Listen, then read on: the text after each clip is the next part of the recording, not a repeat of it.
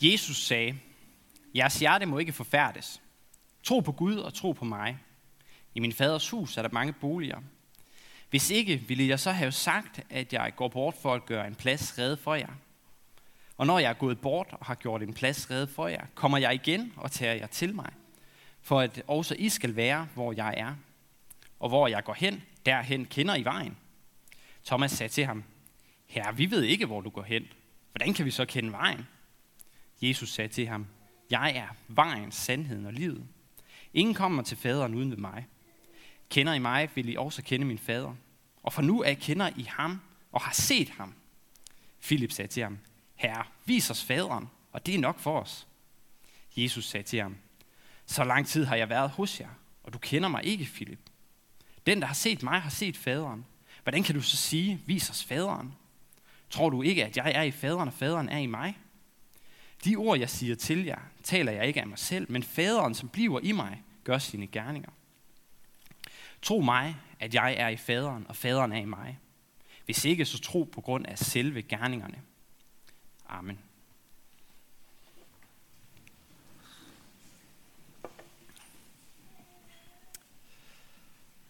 Hvad er det lige, der sker i dagens evangelietekst? Philip, Thomas og Jesus, de taler jo fuldstændig forbi hinanden. Deres samtale er så forvirret, at det grænser til det komiske. Lad os tage det fra begyndelsen. Det er skærtorsdag aften, dagen før Jesu korsfæstelse. Disciplerne og Jesus befinder sig i Jerusalem i et hus på første salen, hvor de spiser påskemåltid sammen. Jesus han har lige afsløret Judas forræderi, hvorefter Judas er stukket af, og derefter så øh, holder Jesus så en lang tale. Jesus han siger, Mine børn, endnu en kort tid er jeg hos jer, men hvor jeg går hen, kan I ikke komme. Så spørger Peter, Herre, hvor går du hen? Jesus han taler udenom, Hvor jeg går hen, kan du ikke følge mig nu, Peter, men senere skal du følge mig. Peter han er som sædvanligt stedig, og han bliver ved. Hvorfor kan jeg ikke følge dig nu, Jesus? Og den her gang så svarer Jesus så på spørgsmålet. I min faders hus er der mange boliger. Hvis ikke, ville jeg jo så have sagt, at jeg går bort for at gøre en plads rede for jer. Og når jeg er gået bort og har gjort en plads skrevet for jer, kommer jeg igen og tager jer til mig, for at også I skal være, hvor jeg er. Og hvor jeg går hen, derhen kender I vejen. Så kommer Thomas. Herre, vi ved ikke, hvor du går hen. Hvordan kan vi så kende vejen? Kom on, Thomas. Det har Jesus jo faktisk lige sagt. Han har jo lige sagt, at han går til sin faders bolig. Jeg overvejer her lidt, om det er muligt, at Thomas han er så distræt, at han er, som min hustru kalder det, faldet ud af samtalen. Vi er nogen, der har så mange spændende tanker i hovedet, at den indre dialog nogle gange fuldstændig kan overdøve den ydre dialog, så vi ikke hører, hvad der sker omkring os. Ofte så opdager andre mennesker det heldigvis ikke. Men nogle gange kan man være så uheldig, at man kommer til at sige noget, der lige er blevet sagt, eller man spørger om noget, der lige er blevet fortalt. Så måske er det det, der er sket for Thomas. Han har slet ikke hørt, hvad Jesus har sagt. Han har siddet og tænkt på Pokémon Go, eller på, hvordan man skældner mellem analytiske og syntetiske sandheder, da han pludselig opfanger, at Jesus vil rejse et eller andet sted hen. Nu skulle man så tro, at en af de andre disciple vil påpege over for Thomas, at det har Jesus altså lige sagt. Det ville min hustru have gjort. Men Jesus han må selv forklare. Jeg er vejen, sandheden og livet. Ingen kommer til faderen uden ved mig. Kender I mig, vil I også kende min fader. Og fra nu af kender I ham og har set ham. Og så sker det samme sandelig lige igen. Philip han siger, Herre, vis os faderen, og det er nok for os. Jamen Philip, Jesus har jo lige sagt, at den, der har set ham, har set faderen. Han har lige sagt de her vilde, mega vilde ord om, at han er vejen, sandheden og livet. Og så vil Philip og de andre bare gerne lige se, se faderen. De står jo og ser på ham. Og det har Jesus jo lige sagt til dem, at de gør. Man kan næsten fornemme i teksten, at Jesus han sukker, mens han svarer. Så lang tid har jeg været hos jer, og du kender mig ikke, Filip. Den, der har set mig, har set faderen. Hvordan kan du så sige, vis os faderen? Tror du ikke, at jeg er i faderen, og faderen er i mig? De ord, jeg siger til jer, taler ikke af mig selv, men faderen, som bliver i mig, gør sine gerninger. Tro mig, at jeg er i faderen, og faderen er i mig. Hvis ikke, så tro på grund af selve gerningerne. Og det er så her, vi forlader denne mislykkede, eller i hvert fald tilsyneladende mislykkede dialog. Jesus han stiller os i dag spørgsmålet. Hvem kender du mig som? Philip og Thomas havde overhovedet ikke fattet, hvem Jesus han var. De troede, de vidste, hvem han var, men det gjorde de ikke. Men hvad vil det egentlig sige at kende Jesus? Ordet at kende kan have flere forskellige betydninger, og jeg vil prøve at trække fire forskellige betydninger frem. For det første, så hører man nogle gange udtrykket at kende i bibelsk forstand. Det var sådan, Adam kendte Eva, og så fik de Kain og Abel. Og jeg kan berolige at sige, at det ikke er denne dimension af det at kende, som vi skal beskæftige os med i dag. En anden betydning af det med at kende, det har med frelsen at gøre. Hvis du kender Jesus, så er du frelst, kan man nogle gange høre sagt. Der er altså tale om et enten eller. Det er en vigtig dimension, men det er ikke det, som der er på spil i evangelieteksten, og det er ikke det, jeg vil prøve at fokusere på. Man kan således godt være frelst og ikke kende Jesus særlig godt. Eller for at sige det mere paradoxalt, man kan kende Jesus uden at kende ham. En tredje betydning af det at kende handler om, at man kender sprogspillet omkring Jesus. Man kender de kristne termer. Man ved, hvordan de hænger sammen, og når prædikanten siger A, så lige om lidt siger han B, og så siger han C. Man kan bruge udtryk som Messias, søndernes forladelse, zoner for verdens frelser, på det rigtige tidspunkt og i den rigtige sammenhæng. Men man har ikke nødvendigvis forstået disse ord. Ordene om Gud og Jesus kan blive ligesom matematik. Det har sin egen logik, som man, kan, som man kender og kan anvende, men det siger intet om virkeligheden. Man kan igen siges at kunne kende Jesus uden at kende ham. Forståelse, det handler, om, det handler ikke kun om, at man bruger ordene rigtigt, men om, at man har grebet den genstand, som ordene peger imod. Og det bringer os til den fjerde betydning af det at kende Jesus. Har du forstået, hvem Jesus er? Er det tegnet for dine øjne? Har det grebet dit hjerte? Når vi bruger udtrykket at forstå, så kan vi let tro, at det er noget meget kognitivt og sprogligt. Altså, at det handler om at kunne, kunne beskrive Jesus med rigtige og sande sætninger. Men forståelse handler om meget mere end det. Det handler om at kunne gribe det objekt, som ordene peger imod, men som de kun kan beskrive ufuldstændigt. Det handler om fantasiens evne til at afbillede Jesus som verdens frelser og altings smitte. Det handler om det følelsesmæssige aftryk, som det billede sætter i vores sind. Det handler mere om kunst end om dogmatikbøger. Eller for at bruge et lidt slidt udtryk, det handler om Guds billede. Hvilket billede, hvilket billede du har af Gud i dit sind, og hvilke aftryk det sætter sig i dine følelser. Denne dimension er ikke et enten eller, men en proces. Vi kan lære Jesus bedre at kende. Vi kan få et mere sandt, et smukkere og mere fuldstændigt billede af Gud. Så når Jesus i dag spørger os, hvem kender du mig som? Så spørger han ikke kun, hvad du regner for sandt, men også hvilket billede du har tegnet af ham i dit hjerte, og hvilke følelser, som dette billede vækker i dig. Men hvorfor er det egentlig lige, at vi er så interesseret i at kende Jesus? Det er ikke fordi han som historisk person er så interessant, måske lige bortset fra miraklerne og opstandelsen. Men altså, hvad har det lige med mig at gøre? Nej, Jesus han er dybest set interessant, fordi han hævder, og kirken i dag hævder, at han er Guds billede, Guds fylde, Guds tolk. Vi mennesker, vi bærer en længsel i vores hjerte, en længsel efter noget mere, noget større, noget dybere, noget som vi ikke helt kan sætte ord på. Hvornår og hvordan vi mærker det, det er forskelligt fra person til person. Personligt så mærker jeg det stærkt, når jeg går en tur i skoven alene, eller når jeg går til nadvers. I den kristne tradition, der forstår vi den her længsel som en længsel efter Gud. Kirkefaderen Augustin, han sagde det på følgende måde. Du har skabt os til fællesskab med dig selv, Derfor er vort hjerte uroligt, indtil det finder sin hvile i dig. Men hvordan lærer jeg Gud at kende?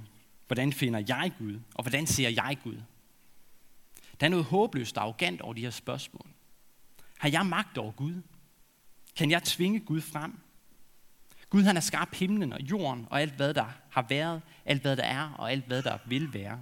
Og han opretholder det hele hvert sekund. Alt hvad jeg gør, er at tænke, er kun fordi Gud han opretholder min eksistens lige nu. Og skulle jeg så have magt over Gud, Nej, et hvert møde med Gud er på Guds præmisser. Men han holder sig ikke borte fra os. Han har givet sig til kende for os. Ikke på en sådan måde, at vi får et ubetvivleligt bevis, men på en sådan måde, at han vinder vores hjerte, at troen og tilliden vækkes. Den store italienske maler Raphael har malet et kæmpe billede i Vatikanet i 1510. Jeg tror, det skulle komme op nu. Yes, jeg ved ikke om... Ah, det er ikke så let at se. Nå. Billedet det hedder Di Disputatio, eller diskussion af nadveren. Centrum i billedet, det er nadvåren på alderet, der er opbevaret i en monstrans. På det horisontale plan, der forestiller det kirkens store teologer og paver, der diskuterer, hvad nadvåren er. På det vertikale plan, der siger billedet noget om, hvad nadvåren er. Når man skal fortolke billedet, så er det vigtigt at forstå, at guldfarven, den repræsenterer Guds væsen og nærværet. Og billedet indeholder så fire guldcirkler, som måske ikke er så let at se. En i toppen, en med Kristus i midten, en længere ned og så en omkring nadvåren. Så vi har Gud faderen i toppen. Hans cirkel er ubrudt. Den kan ikke rummes af billedet. Guds væsen og væren er ubegrænset og ubeskrivelig. Den kan hverken rummes af ord eller billeder. Der er ingen mennesker på det plan, kun engle. For mennesket er ikke i stand til at rumme Guds storhed. Dernæst så er der den store hele Guds guldcirkel med Kristus i midten. Gud han åbenbarer således sit væsen i Jesus. Det sker på menneskets plan, og derfor så kan man se de vigtige bibelske personer til højre og venstre for ham. Jomfru Maria og Johannes Døberen, og længere ude personer som Peter, Adam, kong David og Moses. Dernæst fra Kristus udgår Helligånden i en endnu mindre guldcirkel. Helligånden bringer de fire evangelier med sig. Og så den sidste og mindste guldcirkel er omkring nadvåren. Gud han åbenbares. Gud åbenbarer sig i kirken i nadveren. Det der er på kirkens plan, og derfor så kan man så se kirkens store teologer til højre og venstre. Så billedet siger noget om, hvordan vi møder Gud.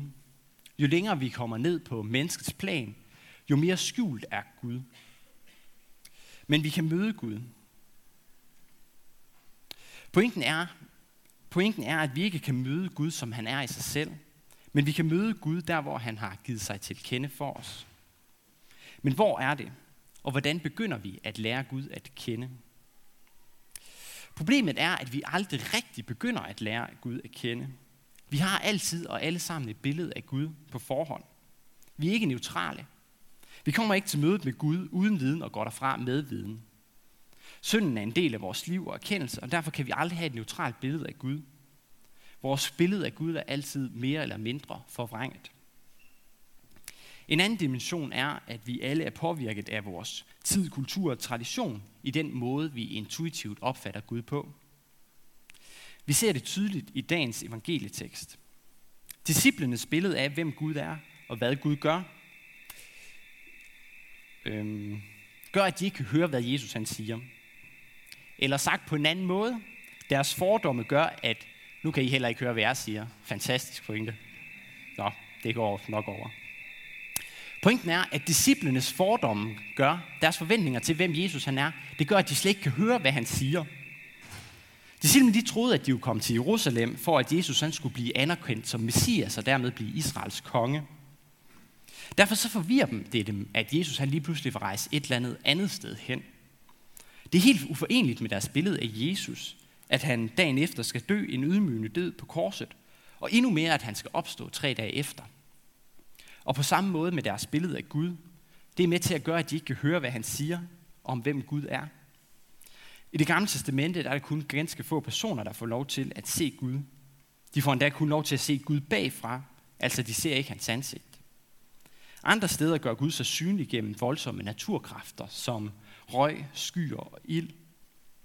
Guds nærvær, det er farligt.